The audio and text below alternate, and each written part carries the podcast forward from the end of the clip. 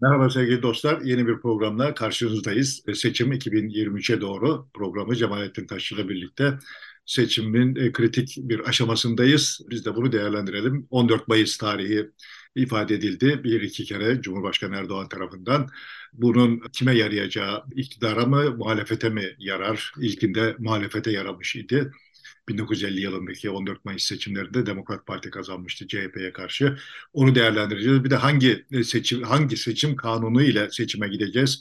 Bu tartışılıyor. Erdoğan adaylığı doğal olarak tartışılıyor. Aday olabilir mi, olamaz mı diye. Ondan sonra İsveç'teki bazı işler var. Sinan Ateş sorusuna Devlet Bahçeli'nin verdiği e, cevap var. Demek ki Sinan Ateş meselesi MHP'yi yakan bir ateş durumuna gelmiş gibi gözüküyor. E, bir de e, Batı Erdoğan karşısında nasıl bir tutum izliyor, onun kazanmasından yana bir tavır sergiliyor mu, sergilemiyor mu? Biraz ona bakalım. Tam tersi bir bakış olarak genellikle Batı Erdoğan'ı sevmiyor diyorlar. Biz de biraz farklı bakabiliriz.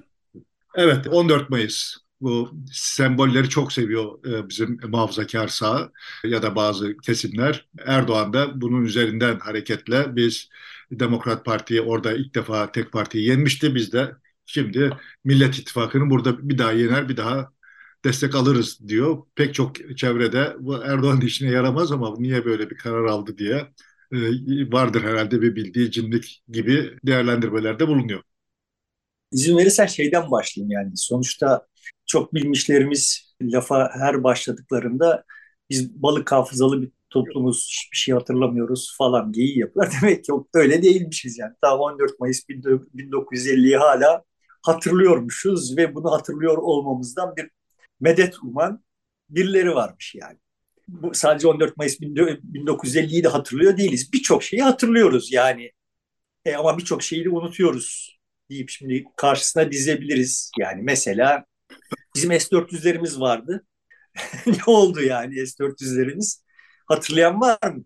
Bunu soran kimse var mı? Yani e, kaç milyar dolar verdik biz o S-400'lere işte böyle şeylerde çürüsün diye. Yani şu tarihte de hani bir de böyle hikayeler de vardı yani.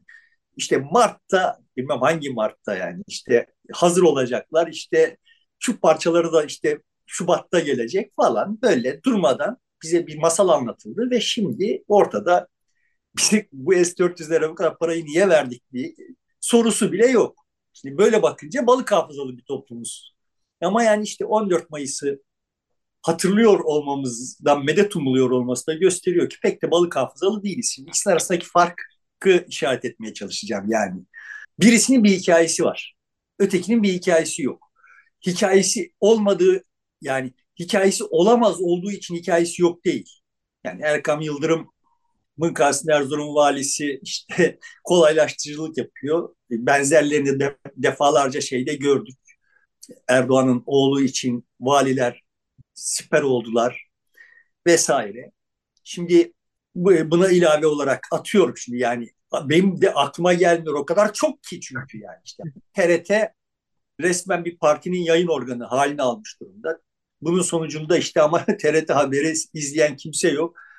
Hatta onu geçtim ya TRT'nin haber bültenini izleyen kimse yok. Yani bunları nereden çıkarıyoruz?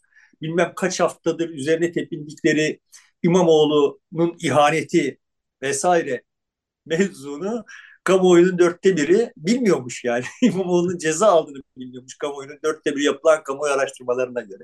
Yani bunlar haberdar değil yani. Dolayısıyla işte hani bu kadar yığınak yapılmış olan medya, üzerine bu kadar yatırım yapılmış olan medya ile bir şeyler yapmaya kalktığı zaman yapamıyor mevcut iktidar. Dolayısıyla muhalefetin kardeşim işte orada bir medya var bizim elimizde yok diye şikayet etmesinin bir manası yok. Çünkü orada da bir medya yok. Ama esas derdim bu değil. Mesela, esas derdim... mesela Sabah gazetesi 100 sayfayı 120 sayfayla falan çıkıyor. Bunun işte 20 sayfası normal haber gibi gazete gibi geri kalanı kamu reklamlarıyla çıkıyor. Bilmiyordum o kadar sayfa çıktığını. Evet, yeni çıktı daha. Şimdi yani asıl işaret etmeye çalıştığım mevzu bu değil. Asıl işaret etmeye çalıştığım mevzu yani sonuçta bu hadiselerin her birisini yani o valilerin işte TRT'nin, kamu bankalarının şunun bunun yapı, yapıp ediyor olduklarını okuyoruz, duyuyoruz, infial yaratıyor, unutuyoruz. Yani çünkü bunların bir hikayesi yok. Olamaz olduğundan değil yani oturup bir hikayesini yazsam yani ortada bir parti devleti var kardeşim diye bir hikayesini yazsan ve bu parti devletinin diniyle, diyanetiyle değil de parti devleti olmasıyla uğraşsan. Yani dünyada parti devletlerinin akıbetinin ne olduğu üzerinden bir hikaye yazsan 1946'ya 1950'ye gelene kadar da Türkiye'nin bir parti devleti olduğu bilgisi zaten var kamuoyunda. Bunu da deşsen sonuçta bu iktidarın yaptığı her şeyi kamuoyuna batmaya başlar. Sen şimdi bu hikayeyi yazmamışsın, yazmıyorsun. Ondan sonra toplum balık hafızalı filan gibi bir şeyle kendini korumaya çalışıyorsun. Bunların zamanında yapılması gerekiyordu. Hani şimdi çocuklarımıza hep büyütürken hep ne dedik? Öğretmenleri çocuklarımıza ne dedi? E, düzenli çalışırsan, her hafta ödevini yaparsan sınav tarihi geldiğinde rahat edersin. Aksi halde sınava bir, beş kala hazırlanmaya kalktığında bu iş olmaz dedi. E sonuçta şimdi TRT açık partizanlık yapıyor iken işte TÜİK açık partizanlık yapıyor iken vesaire bütün bunları seyredip seyredip seyredip sonra işte seçime beş kala absürt bir işte e, altılı masa hikayesi ve güçlendirilmiş parlamenter sistem masalı anlatmaya kalktığın zaman yani bunlar hiçbirisi bir şeyin üstüne oturmuyor. E, gerek yani, Kılıçdaroğlu gitti, TÜİK'in önüne gitti, e, Milli Eğitim Bakanlığı'nın önüne gitti. Böyle birkaç çıkış yaptı yani. İşte yani ne zaman yaptı? Şu son bir yıl içinde yaptı. Yani seçme beş kala. Sonuçta biz TRT'ye, TRT'nin partizanlığına 10 yıldır maruz kalmış durumdayız yani.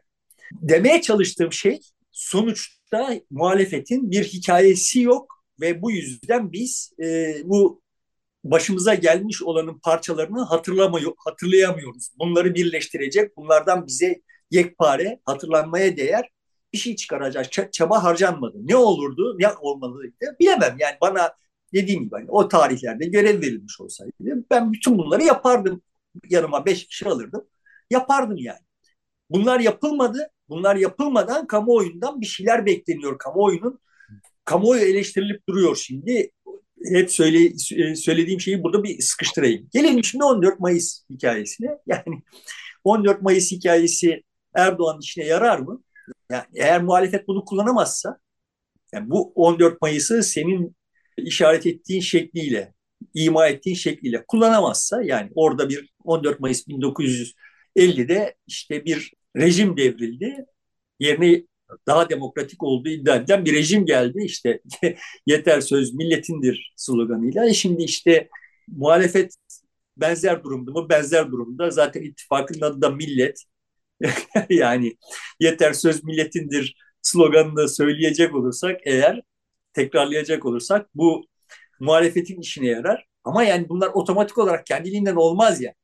Ben, benim gördüğüm muhalefette bu konuda işte böyle çok derme çatma bir çaba var. Ama muhalif kamuoyunda geçen programda da söyledim yani bu mevzuyla e, e, ciddi bir çaba var. Normal şartlarda bakıldığında 14 Mayıs eğer milletin olaya el koyması hikayesi 14 Mayıs 1950 milletin olaya el koyması hikayesi olarak okunacak olursa e yani evet şimdi kerameti kendinden menkul valileri, rektörleri işte partinin valileriymiş, rektörleriymiş gibi davranıyor olan bir heyula var karşımızda. Dolayısıyla teknik olarak muhalefete yaraması gerekir muhalefet eğer bunun bunlar hikayesini yazabilir. Sosyal medyada paylaşımlarda falan e, bunlar çokça öne çıkıyor. Dediğin gibi e, millet e, kendisi yapıyor bu işi.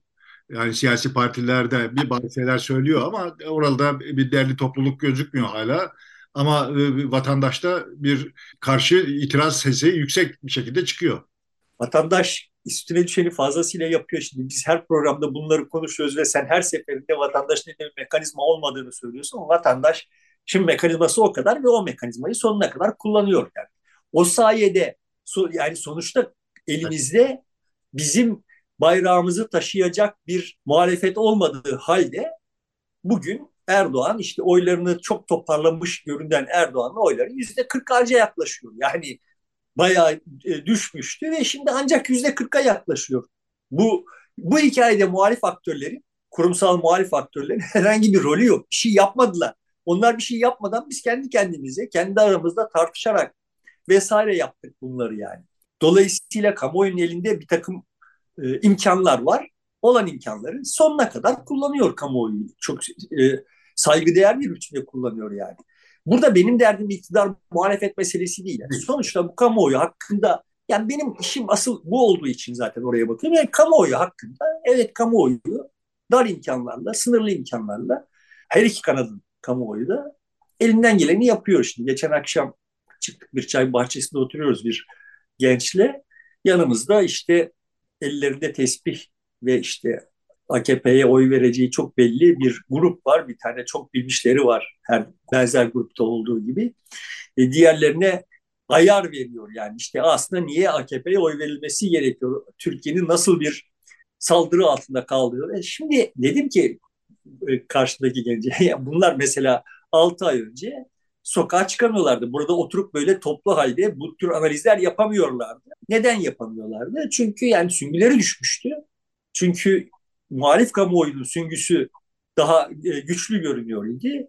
Ama işte Erdoğan yeniden sahaya çıkıp işte filan bir şeyler yapınca ha bir dakika galiba yenilgiyi erken kabul ettik diye onlar yani bütün kamuoyu her anlamda kendi üstüne düşeni yapıyor. Orada küçük küçük gruplar halinde işte kendi enerjilerini kendi hedefleri doğrultusunda kullanıyorlar. Burada kamuoyu, muhalif kamuoyu kendi enerjisini kendi hedefleri doğrultusunda kullanıyor ve Türkiye'de bir, bir şey şekilleniyor. Şimdi normal şartlarda benim derdim şu, olması gerekiyordu olan şey şu. Yani benim S-400'ü unutmamamı sağlayacak. Bu S-400'ün büyük bir hikayenin bir parçası olarak e, o hikayeyi bana üretecek bir muhalefetim olması gerekiyordu ve işte kendi hikayesini yine değerli toplum içinde anlatan bir iktidarın olması gerekiyordu. Normal şartlarda olaylar böyle olur ve bu e, olan olayların sonrasında da kamuoyu hani biz gençken okullarda münazaralar olurdu hatırlarsın yani evet. iki grup, grup işte birbirine ters sanat toplum için midir sanat sanat için midir ben ben birkaç defa katıldım alışın. ben birkaç defa katıldım bu tür tartışmalara İzleyiciler de onların performansına bağlı olarak bir tercihte bulunurlar ama esas mesele şu yani o izleyici onu izlerken değişir. Yani falanca bir şey söyler kafasında bir soru işareti oluşur. Filanca bir şey söyler kafasında başka bir soru işareti oluşur vesaire. Sonuçta o izleyici o münazarayı izlerken değişir. Şimdi e, Türkiye'de olmayan şey bu. Bize bir, bir bize bir münazara sunulamıyor yani. Bunun da medya ile medyanın eksikliğiyle falan falan bir alakası yok. Dersini çalışmayan bir iktidarımız, dersini çalışmayan bir e, muhalefetimiz var. Çok ibretlik bir şey yaşadık biz geçtiğimiz hafta. E, bu Yeni Zelanda'nın başbakanı gencecik kadın. Bir dönem sadece Yeni Zelanda'nın değil, bütün dünya demokratik toplumlarının yani toplumların demokratik kesimlerinin kahramanı olmuş olan kadın kendisini emekliye ayırdı. Hikayesi çok ibretlik yani. Yani kadın işte işçi partisinin seçimi kazanamayacak olduğu, seçimde hizmete uğrayacak olduğu şartlarda seçime yanlış hatırlamıyorsam 6 ay kala falan İşçi Partisi'nin ye, başına... 7 hafta, 7 hafta kala. 7 hafta evet. 7, 7 hafta kala ise işte ne kadar daha dar dönemde e, partisinin başına geçiyor. Partiyi büyük iktidar koalisyonunun büyük ortağı haline getiriyor. 7 haftada bunu başarabiliyor yani. yani. Bir hikaye anlatıyor. Kadının kendisinin bir hikayesi var. Bir hikaye anlatıyor. Sonra İkinci seçimde yüzde elli oy alıyor ve şimdi partisi yeniden dibe vuruyor. Yani bu hepsi de beş yıl içinde ne, ne kadar yılsa yani içinde oluyor. Yani kamuoyları böyle şeyler. Yani bu kadar böyle muhafazakardı, liberaldi, sosyalisti falan falan diye tasnif edilecek şeyler değiller. Yani karşılarında bir hikaye gördükleri zaman bu hikayeye göre değişiyor olan varlıklarız her birimiz ve bu bu varlıkları sağlıklı bir biçimde de, değiştirmeyi hedefleyen öznelere ihtiyacımız var. Yani bir iş bölümü bu. Orada siyasi kadroların temel fonksiyonu bu. Bunu yapmıyorlar yani. Sistematik olarak yapmıyorlar. Kendi aralarındaki oyunu kendi aralarında tutmaya çalışıyorlar. Benim Sitkin senede söylemeye çalıştığım şey bu. Şimdi dönelim 14 Mayıs'a yine. Yani 14 Mayıs doğru kullanılırsa üstelik de mizaha da çok müsait olduğu için gülmeye de çok müsait olduğu için kamuoyunda Erdoğan'ın çok aleyhine çalışacak bir şey haline getirilebilir. Çok aleyhine yani öyle böyle değil. Sonuçta 1940'ların CHP'sinin yani parti devletinin böyle CHP vesaire falan falan demedim.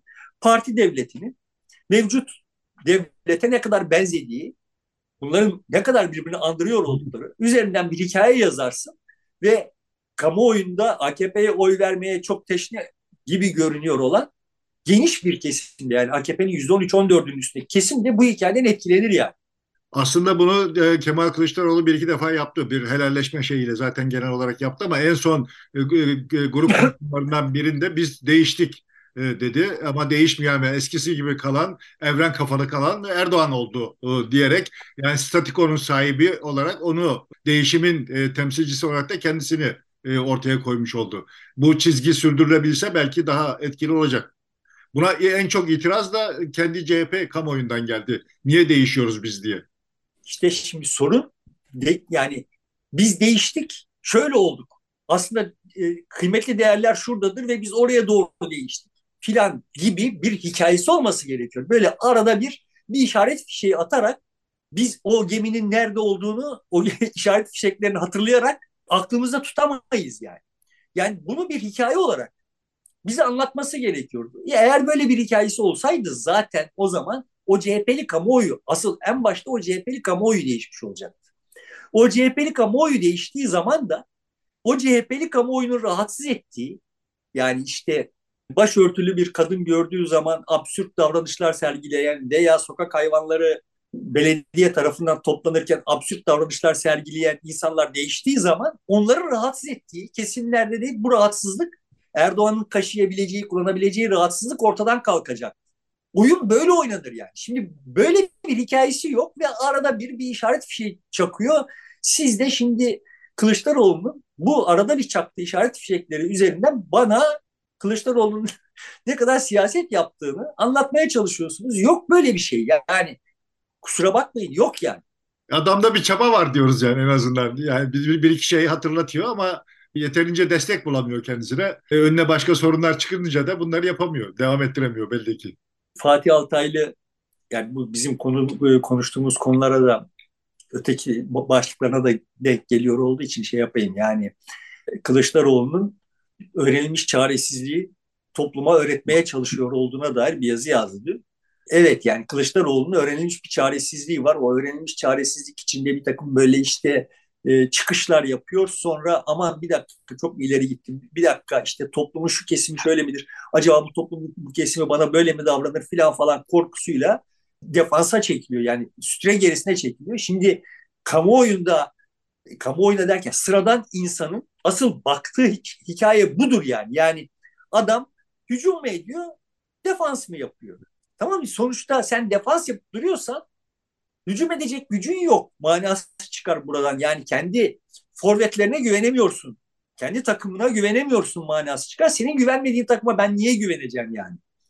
Sen kendi kamuoyuna güvenmiyorsun. Onun doğru olanı, uygun olanı, aklı uygun olanı, çağa uygun olanı tercih edemeyeceğini düşünüyorsan yani e, o zaman böyle CHP kamuoyu pespaye bir tek Kılıçdaroğlu akıl etmiş filan. Yani bu algıyı biz hissediyoruz. Dolayısıyla da Kılıçdaroğlu bir türlü o çıkışların karşılığını devşiremiyor, devşiremez.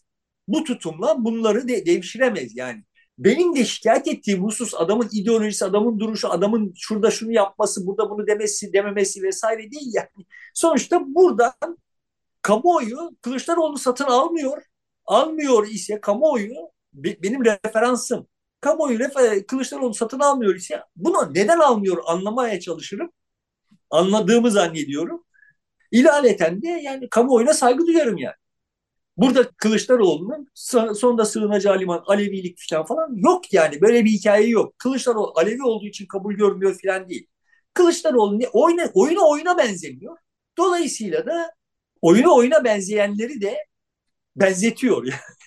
yani el, elindeki güçle, bulunduğu koltuğu sağladığı güçle. Do, dolayısıyla da biz böyle patinaj yapıp duruyoruz. Kamuoyu üstüne düşeni yapıyor.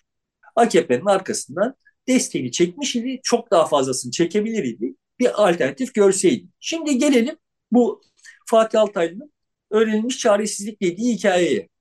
Yani iki e, başlık altında da aynı şey geçerli. Erdoğan aday olabilir mi? Yani normal şartlarda herkes mutabık ki Erdoğan aday olamaz. Çünkü aslında Erdoğan aday olmasını mümkün kılacak o anayasa değişikliğinde mümkün kılacak bir cümle değiştirilen maddelere eklenebilirdi ve Erdoğan'ın aday olup olamayacağını biz şimdi tartışamıyor olurduk. Son derece net bir biçimde işte bu iki defa seçilme e, en çok iki defa seçilme bu anayasa değişikliğinden sonra geçerlidir diyeceklerdi. Maç bitecekti. Bitirmediler. Şimdi ya ahmaklıklarından bitirmediler ya da bunda bir kasıt var.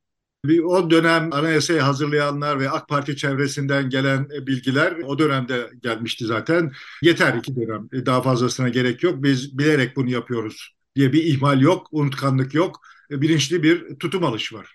Onları bilemem. Yani sonuçta Erdoğan'ın ki ona yeter iki dönem diyenler e, diyenler varmıştır. Erdoğan yeter iki dönem Evet ee, yani anayasa yazanlar içerisinde o vardı. Açık kapı olarak da e, meclis alırsa bir defa daha uzanabilir diye bir şey bıraktılar. O gelen baskıları dengeleyebilmek için. Bilemeyeceğim tekrar söylüyorum. Burada yani benim açımdan olay işte bu tür belirsizlikler ha, bu, bu muhalif salaklar nasıl olsa bu tür belirsizliklerin her birinde böyle aptal aptal kalacaklar. Ha, ben o belirsizliklerin üzerinde sörf yaparak siyaset yapıyorum. Burada işte adında da siyaset diyor Erdoğan yani. Yani şimdi ne, ne yapıyor mesela beyefendi? Meclisi fesheden adam olmak olarak tarihe geçmek işine gelmediği için seçim tarihi güncelleme filan falan gibi gevezelikler. Yani çıkmış zamanda demiş ki yok öyle bir meclis feshetme yetkim. Cumhurbaşkanı'nın öyle meclisi feshetme yetkisi yok. Şimdi feshetmemiş olacak ama işte meclisin görev süresi dolmadan görev süresini doldurmuş olacak falan böyle işte bu tür kelime oyunlarıyla işte biliyorsun Türkiye'de zaten hayat enflasyon da yok, hayat pahalılığı var. Üstelik işte zaten de zam yapılmıyor, fiyat güncellemesi yapılıyor filan falan. İşte bu tür geyikleri tartışarak biz asıl büyük hikaye yazılmayınca bu tür geyiklerle bir e, süreç yaşayıp duruyoruz. Ama ana hatları itibariyle şimdi biz Erdoğan'ın bir defa daha aday olamayacağı yorumunun daha makul bir yorum olduğu konusunda senin söylediğini de yaslanarak AKP'de anayasayı yazmış olanların da kanaati buymuş diyerek evet yani Erdoğan bir daha aday olamaması gerekiyor. Evet. Ama buna karar verecek olan YSK ve YSK'nın kararının Erdoğan'ın bir daha aday olması mümkündür şeklinde çıkma ihtimali yüksek. Ka- kamuoyunda kanaat bu. Zaten o YSK'nın oluşması vesaire falan falan o süreçlerde de yeterince muhalefet yapılmadığı için Evet, onlar da yani, muhalefete bakacaklar, kamuoyuna bakacaklar tabii ki. Kamuoyu o, o dönemlerde elektriklendirilmediği için yani işte HSK biçimlenirken, anayasa mahkemesine atama yapılırken vesaire. Şimdi bunlar kamuoyunda yeterince elektriklendirilmiş olsaydı o tarihlerde iktidar bu kadar pervasız davranamayacaktı. Rütükünden bilmem nesine kadar. Son derece pervasız, dikensiz bir bahçesinde yürüdü. Bu iş ta şeyde başladı. Yani çok öncesinde başladı da asıl vitesi 15 Temmuz sonrasında o hal sürecinde yaşadık ve o, o hal kelimenin gerçek anlamıyla bir Türkiye'de rejim değişikliği yaratma operasyonuydu. Yapılabilir çok şey var. Yapılması gerekiyor olan çok şey var. Hiçbir şey yapılmadı. Hani şimdi balık hafızalıyız ve işte o, o, o hal döneminde o halin ne, ne, kadar istismar edildiğini de unuttuk. E unuttuk yani sonuçta bize anlattı. Bunlar bir hikayenin bir parçası haline getirilmedi. Aslında ta o tarihlerden itibaren raydan çıkmış bir AKP iktidarı var ve o tarihlerden itibaren suçlar olağanüstü büyüdü. Bu büyümüş olan suçları karşılığı olarak da işte cansiperhane bir biçimde iktidar koltukları korunması gereken, gereken şeyler haline aldı. Şimdi 14 Mayıs'ta İnönü bir milli mücadele kahramanı olarak iktidarı kaybetti. Ve Mevhibe Hanım'ın elinden tutup Çankaya Köşkü'nden yürüye yürüye Pembe Köşk'e intikal ettiği anlatılır. Evet. Ee, yani şimdi aynı şeyi Erdoğan yapabilir mi? Hatta pek çok kişi gelmiş bunlara mı bırakacağız e, vermeyelim biz vermeyiz filan demiş. O onlara itiraz etmiş İnönü ve evet dediğin gibi Mehve Hanım'la birlikte kol kola e, çıkıp e, Pembe Köşk'e gitmişler. Şimdi Erdoğan Emine Hanım'ın elinden tutup işte e, külliyeden çıkıp bir taksi çevirip havaalanına gidip Kısıklı'daki evine gelebilir mi yani? Bu tür soruları kamuoyunun zihninde canlandıracak işleri yaptığın zaman bir, bunun hikayesini yazdığın zaman kamuoyu başka türlü davranır.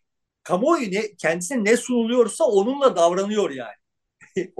onunla yetinemediği durumda da kendi kendisini üretmek zorunda kalıyor bunlar. Ama normal şartlarda dediğim gibi aramızda iş bölümü var. Bizim yani biz değilsek de seçmenlerin büyük bölümü işte günde 12 saat zaten medar maişet motorunu döndürebilmek için, çalıştırabilmek için çalışıyor. Yani o hikayeyi üretmek sizin işiniz. Onun için maaş alıyorsunuz yani. Ama kendi aranızda mastürbasyon yapmakla geçiriyorsunuz yani. Şimdi gelelim şeye. Sonuçta sen Erdoğan'da bir mağduriyet yaratmadan eğer Erdoğan'ın bir daha seçilemez olduğunu ve Erdoğan'ın bir daha aday olmasının aslında şu şu şu şu şu absürtlüklere sebep oluyor olduğunu anlatamıyor isem. Yani şimdi anlıyoruz. Mağduriyet yaratmaktan ben yani ben kendi tercihimi söyleyeyim bir kere daha söyleyeyim. Ben Erdoğan aday olmasını ve yenilmesini tercih ediyorum. Yani Türkiye'nin önümüzdeki 50 yılının nispi olarak daha e, serin bir 50 yıl olması için Erdoğan'ın kamuoyu tarafından defteri dürülen bir siyasi figür olmasını tercih ediyorum yani. Ama bu benim tercihim veya sizin tercihiniz de böyle olabilir. Mesele bu değil. Siyaset yapıyor iseniz böyle ama canım tamam hukuk aslında öyle diyor ama böyle bir fiili durum var. Bu fiili durum nedeniyle böyle böyle davranamaz. Hakkınız yok. Ya anayasayı çiğnemek, anayasayı ihlal etmek bir mağduriyet doğurmaz, hakkı doğurmaz. Tam tersi e, bir kanunun ihlal edilmesi ve e, suç teşkil eder. Bunun anlatılması lazım. Yani, ma ha, ma yani mağduriyet doğurmadan bunun e, hikayesinin yazılması gerekiyor. Yani bu bu şimdi ama biz böyle yaparsak bu mağduriyet anlamına gelir dediğin zaman senin aslında o hikayeyi yazma kabiliyetinin olmadığı ortaya çıkıyor. Ben tekrar söylüyorum ben yazabilir miyim bu hikayeyi? Şimdi otursam yazamam. Ama ver bana üç hafta yeterince de e, birkaç tane de zeki insan ver. Ben yazarım yani. Ben yazarım derken bu bana münhasır bir şey değil. Şimdi geçen videonun altında birisi vay e, teknoloji önemsiz demiş filan falan gibi laflar. Ya ben teknoloji önemsiz demiyorum. Teknoloji kıt değil diyorum yani. Sonuçta siyasi akıl da kıt değil. Evet.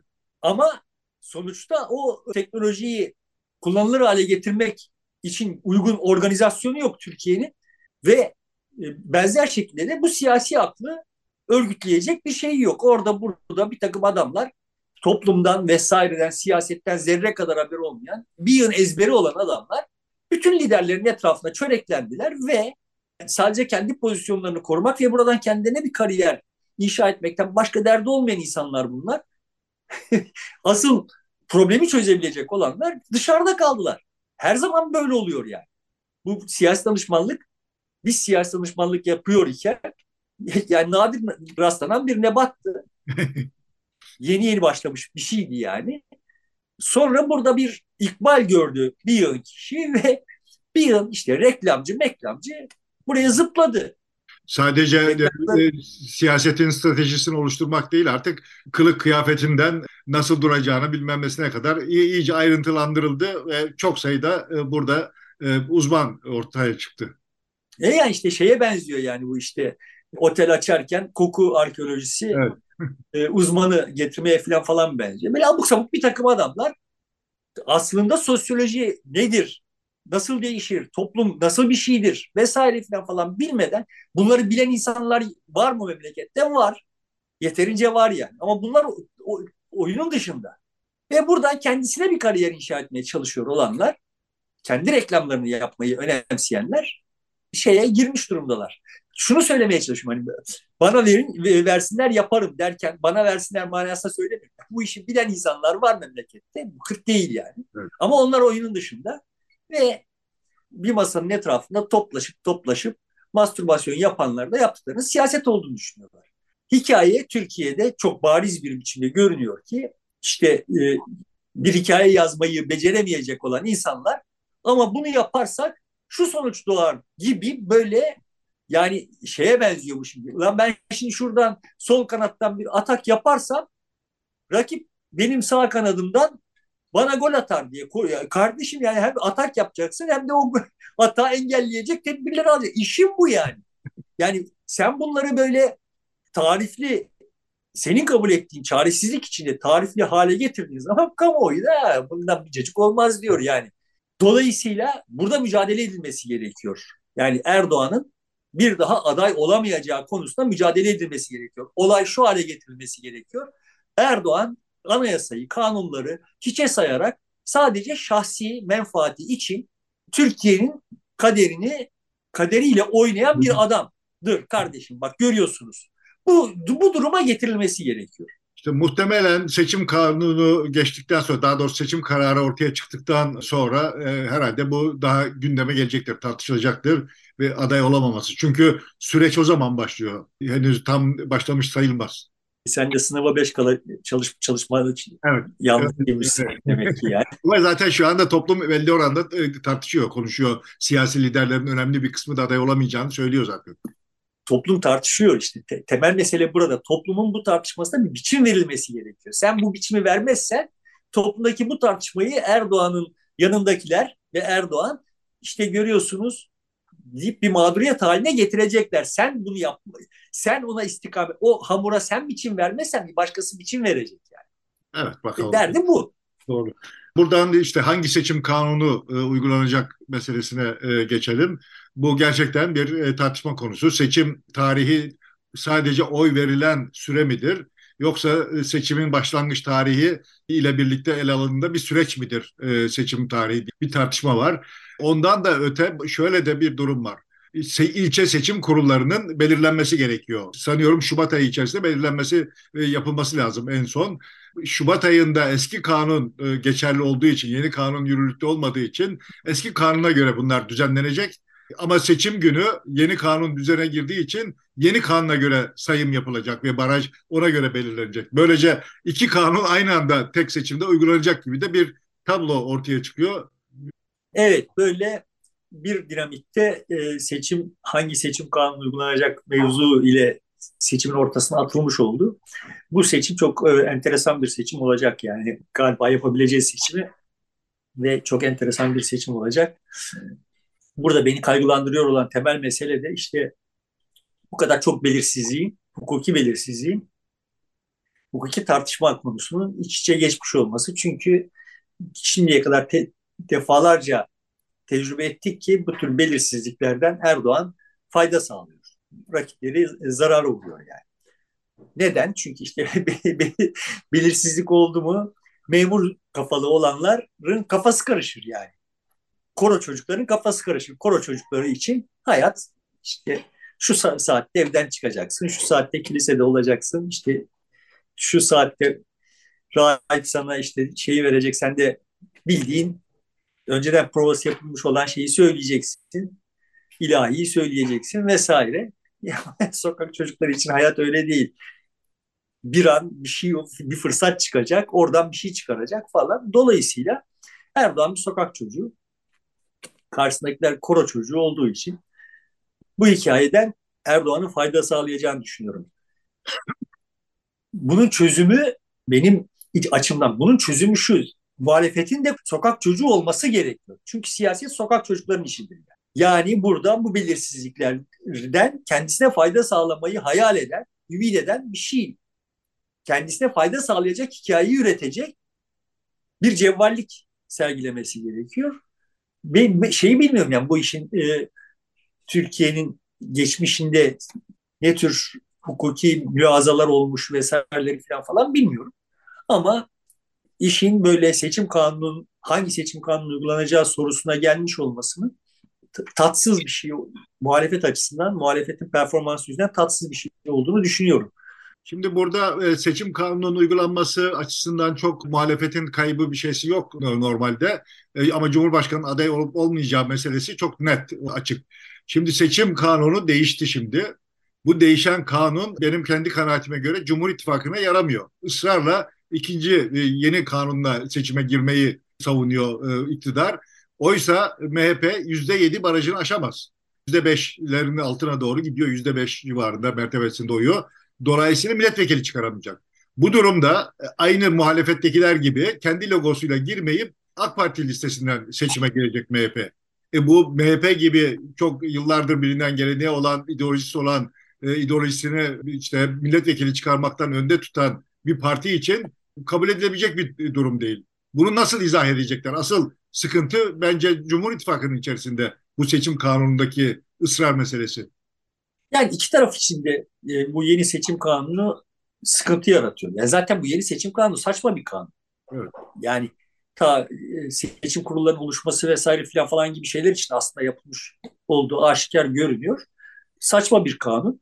Yani eğer sen böyle yüzde elli artı birle bir kişinin olağanüstü yetkilerle seçildiği bir sistemdeyse o zaman ittifakların da önünü açacak işler yapman gerekir. Şimdi iyi kötü ona uygun idi seçim kanunu. Şimdi o kısa vadeli hesaplarla bu ittifakları önünü tıkayan bir düzenleme yapıldı. Dediğim gibi kısa vadeli hesaplarla yapıldı. Yanlış bir şey yani. Yani zaten her şey yanlış da ama kendi içinde bir tutarsızlık barındırıyor yani. Buradan iki tarafında e, zarar görme ihtimali var. Buradan daha Bu çok, taraf çok da... Cumhur İttifakı görecek. Bu 1950 seçimlerine giderken CHP de benzer şekilde seçim kanununu değiştirmiş. Daha çoğunluk yani e, en çok oyu alanın tamamını çıkaracağı, o seçim çevresinde milletvekillerinin tamamını çıkaracağı gibi bir kanunla gitmiş. Kendisinin önde olacağını düşünerek pek çok yerde. Ama tam tersi olunca Demokrat Parti önce geçince kendisi işte 35-40 milletvekiliyle ancak temsil edilebildi. Öbür türlü olsaydı %60'a e, 40 bir dağılım olacaktı milletvekili sayılarında.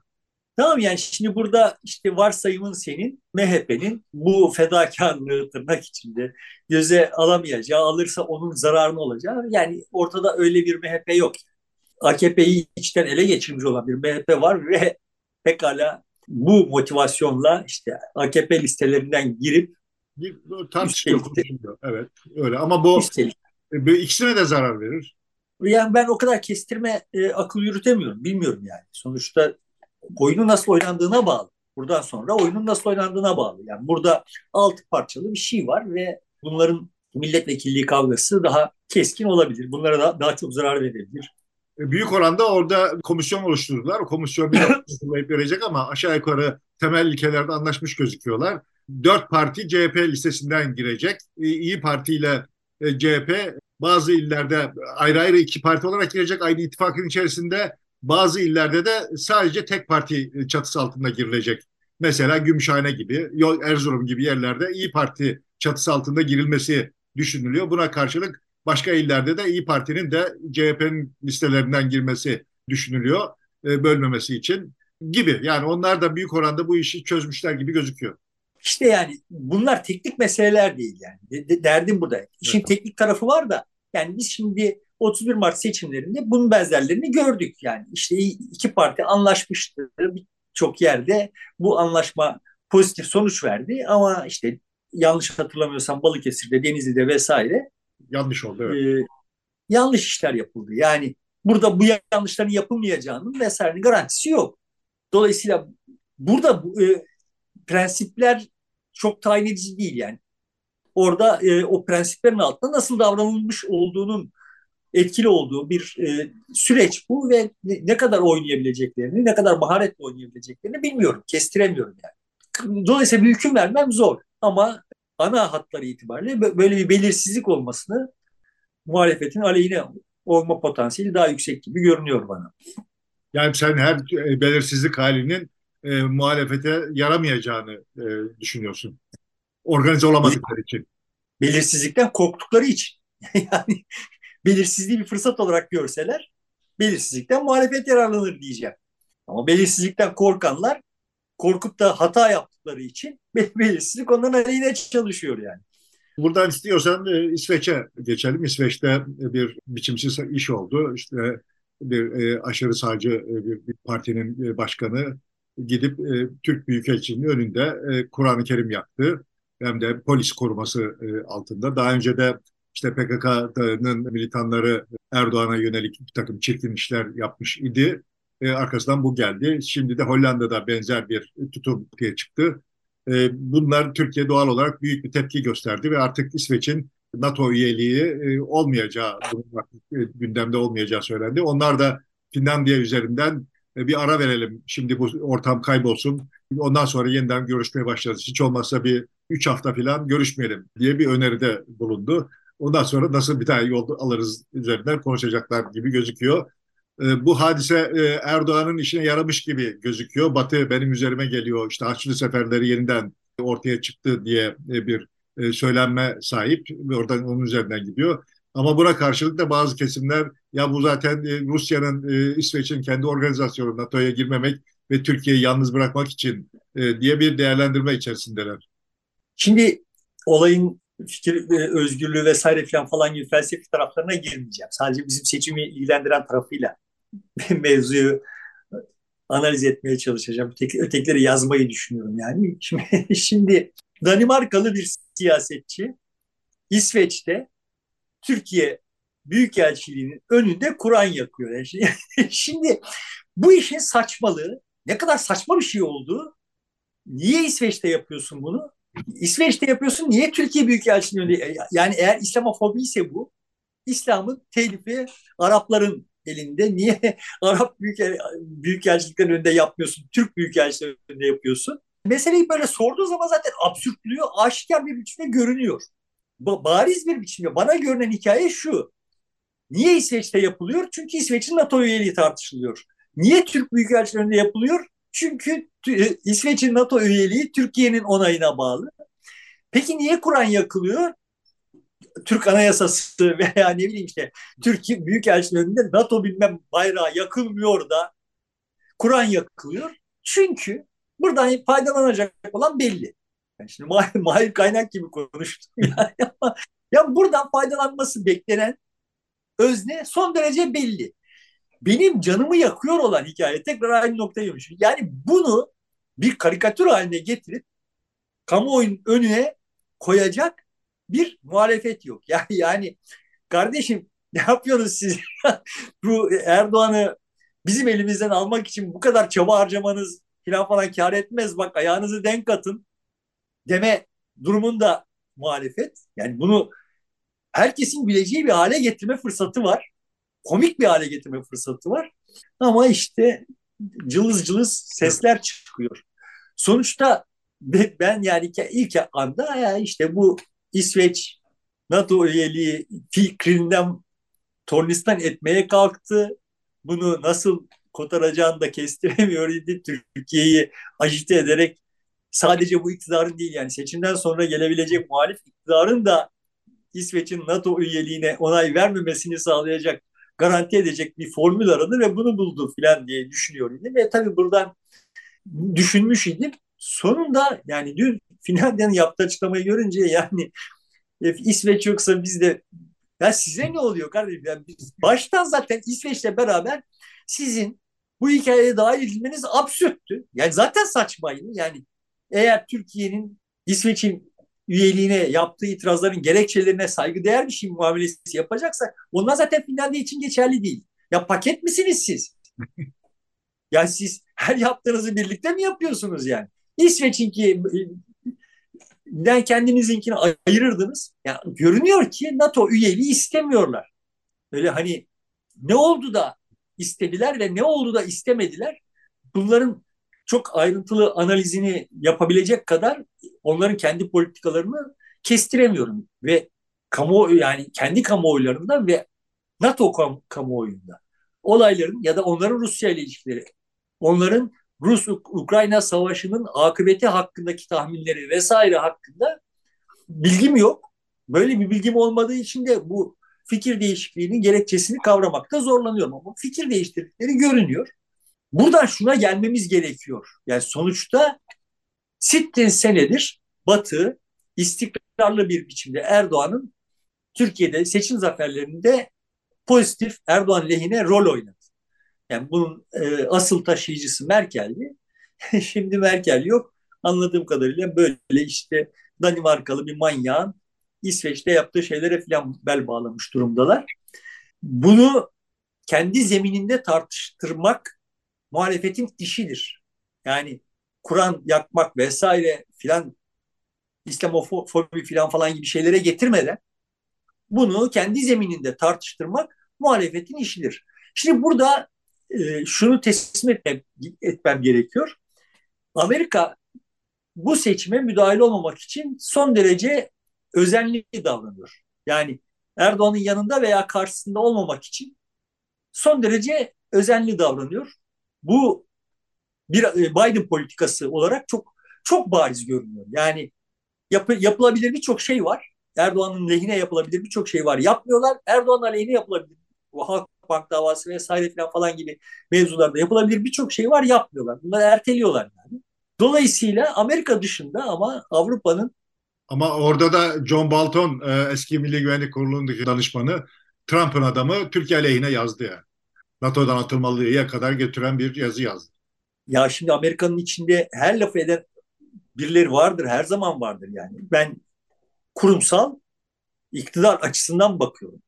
Yani Beyaz Saray açısından bakıyorum. Evet. Yani yoksa Amerika'da da bir yıl kişi bir yıl lafı edip duruyor yani. Çok Türkiye yanlış laflar edenler de var. Yani çok Erdoğan aleyhine konuşanlar da var vesaire. Şimdi burada esas kafa karıştıran şeylerden bir tanesi şu.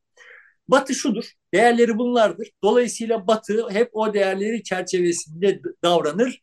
Yani ne yapar? İşte Afganistan'da bir şey olduğu zaman o değerler, Çin'de bir şey Öyle bir şey yok kardeşim bak. Yani sonuçta bu değerlere vesaire lüzumundan fazla ehemmiyet veriliyor. Öyle bir şey yok yani. Sonuçta çıkarlar var.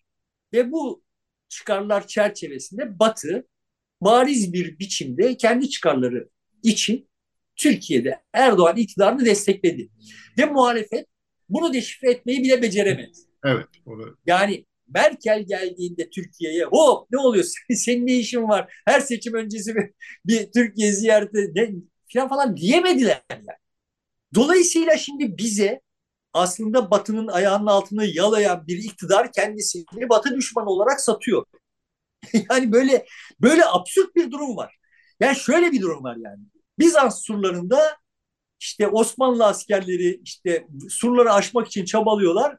Orada Bizanslı bir biri eline almış Osmanlı bayrağını. Ben işte adamı vursan bayrak düşecek. adamı vurmasa adam Bizanslı. Tablo böyle bir şey yani. Bayrak düşerse askerin morali bozulacak. Vay bizim bayrak gitti galiba kaybediyoruz diyecek. Tornistan edecek. Dolayısıyla bayrağın düşmemesi gerekiyor. O bayrak da Bizanslı'nın elinde. Gibi bir durum var. Şimdi bu bayrağı Bizanslı'nın elinden almayı başaramadı muhalefet. Bizim temel sıkıntımız dolayısıyla dönüp dolaşıp muhalefete geliyor. Yani. Ortada ne yaptığını bilmeyen saçma sapan bir iktidarımız var. Ama bu iktidardan sıtkı sıyrılmış kamuoyunu ya bak kardeşim o bayrak bu bayrak değil falan deyip de ikna etme kabiliyetinde olmayan bayraklara bakan bir muhalefetimiz var. Batı kendi değerleri çerçevesinde yani şimdi çıkalım muhalif kamuoyuna yani okumuş çocuklarımıza yani muhalif kamuoyu derken onlar okumuş olanlarına soralım. Batı Erdoğan'a karşıdır diye düşünüyorlar yani.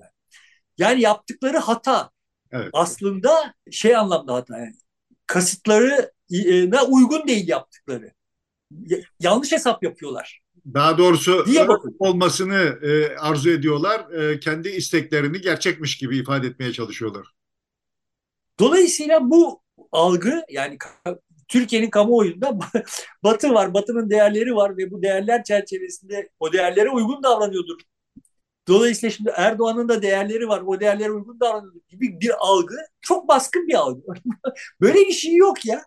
Ve siyaset bunlar üzerinden yürümüyor yani. Ama işte sonuçta geldiğimiz noktada İsveç, Hollanda görünüyor yani görünen o ki Avrupa e, Erdoğan'ın bu seçimi kazanması için elinden geleni yapacak. Başarabilecek mi?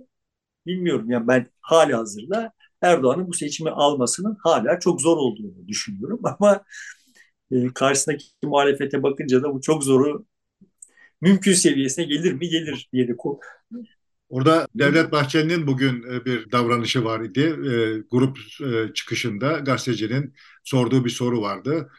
Sinan Ateş'le ilgili diye daha sorusunu bile tamamlayamadan işine bak şeklinde bir terslemeyle cevaplandırıldı ve hemen doğal olarak korumalar onu alıp kenara götürdüler. Yani sorunun devam, cevabını devamını bile getiremedi. Demek ki burada Sinan Ateş sorunu MHP'de gayet büyük bir sorun ee, ve orada bir, problem var. Bu Bir dakika şimdi ben e, önce şeye takıldım yani korumalar doğal olarak Hayır hayır yani bu doğal olarak dediğim şu bu tür şeyler hep yaşandığı gibi doğal değil de bu yaşanıyor fiili olarak oluyor evet. doğal değil yani. Doğal değil evet fiili evet. Bu zevatın mevcut iktidarın herhangi bir soruya verecek cevabı yok. Bizim sorunumuz bu soruların sorulamıyor olması bu soruların sorulamıyor olmasını yani işte orada bir gazeteci üstte düşeni yapıyor. Ama muhalifin muhalefetin kurumsal aktörleri yapamıyor yani. Ama işte şurada da şöyle dediler deme bana. Sonuçta bu ses getirecek. Kamuoyunda hop ne oluyoruz lan? Yani sana soru soramayacağız mı biz? Kimsin sana soru soramıyoruz? Sorusunu uyandıracak bir şeyi, bir hikayeyi yazamıyorlar yani. Kim bunlar ya? Kim Devlet Bahçeli? Niye ona soru Kadın işini yapıyor zaten. Soru soruyor. Senin işin cevap vermek. Sen işine bak. Yani sen kimsin böyle soru soranı derdest ettiriyorsun vesaire. Senin işin cevap vermek. Şimdi iktidarın işi cevap vermek. Bu, bunu unuttuk biz yani. Ama hani senin dediğin, senin önemsediğin noktaya gelelim. Ve yani görünüyor, bariz bir biçimde görünüyor ki bu Sinan Ateş ateşi MHP'nin içine düşmüş durumda. Kaşınırsa çok zarar görecek MHP buradan. MHP seçmeni en kötü ihtimalle seçi sandığa gitmeyecek. Ee, ve yani MHP açısından en iyi ihtimalle. Ve bu MHP'nin evet baraja yaklaşmasına bile imkan vermeyecek vesaire. tablo şimdi böyle görünüyor. Seçime kadar nasıl değişir? Bunlar nasıl hikayelendirilir? Bunları kestiremiyorum. Ama Sinan Ateş hikayesinin de sonuçta seçme bir müdahale olduğunu düşünüyorum. Yani bunun böyle seçme daha, mevzu hakkında konuşurken de konuşmuştuk zaten. Yani böyle seçme beş kala böyle bir halt işlenmesinin bir manası var. O manayı henüz tam, tam anlamıyla deşifre edilmiş değilim ama birileri seçime müdahale etti yani. Ve bunu buradan şunu çıkartıyorum. Bu başka müdahaleler de olacak. Evet, buradan sonra başka müdahaleler de olacak. Potansiyel var. Ee, Öyle potansiyel var gibi gözüküyor. Dolayısıyla hani seçim sonuçları hakkında böyle çok kestirme e, akıllar yürütmesek daha sağduyulu davranmış oluruz diye düşünüyorum. Bu seçim daha önce işaret ettiğim 1995 seçimlerini andıran bir seçim ve bir dizayn var. Birçok aktör birçok yerden bu olaya müdahale ediyorlar. Şimdi e, bu İsveç'teki hadise kesinlikle böyle bir müdahale olduğunu düşünüyorum ve bunun arkasında sadece İsveç'in, Finlandiya'nın vesaire filan kendi politik e, tutumları değil aynı zamanda Rusya'nın da müdahale olma ihtimali çok yüksek oldu. Zaten konuşulup e, duruyor. Putin'in Türk seçimine çok sistematik etkileri var. Yani bu doğal gaz faturasının ertelenmesinden galiba ertelendi değil mi yani? Öde, ödemediğimize göre ertelenmiş oldu. 6 ay erteleniyor evet. Ama resmi bir açıklama hala gelmedi galiba. Gelmedi ama e, ödediğimize dair bilgi de yok. Evet ödemediğimize göre erteleniyor yani.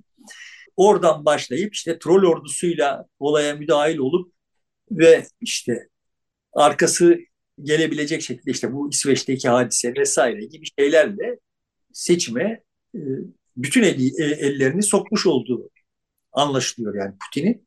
Putin'in kendi menfaati anladığım kadarıyla Ukrayna Savaşı'ndaki performansından çok Türkiye Seçimi. E, zeminindeki seçimin sonucuna bağlı ve bunu bunu anlatamıyoruz yani. Yani kamuoyuna böyle bir hikaye anlatılamıyor. Yani boş ver böyle bir hikayenin doğru olup olmamasını. Yani bunun anlatılmasının kamuoyunda yaratacağı infial vesaire yani e, enerji hatlarındaki değişim filan gibi şeyler çok ehemmiyet taşıyor. Bunlar biz işte sen de diyorsun ki işte altılı masa bir komisyon daha kurdu. O komisyon şu karar, kararları verecek falan filan yani. Seçim burada burada dönüyor. Bizimkiler hala burada komisyon kuruyorlar yani. Evet, biti, herhalde günün birinde bitireceklerdir komisyonlarını. Bakalım biz o, e, birkaç programda... Yok çok seviyorlar ya komisyon kurmayı. Seçime kadar komisyon kurarlar. Sonra laf edince ama işte bak falan diye başlıyorsunuz yani işte şu kadar çaresiz, bu kadar imkansız işleri yaptı falan filan. Bana ne kardeşim? Yani seçim burada dönüyor. Yani seçim Stockholm'de, Moskova'da falan dönüyor yani. Peki burada bitiriyoruz o zaman. Ee, başka bir şey yoksa. Evet e, sevgili dostlar burada bitiriyoruz. Görüşmek üzere. Desteğinizi, abone olmanızı ve bunu başkalarına da göndermenizi e, bekliyoruz. Teşekkür ederiz.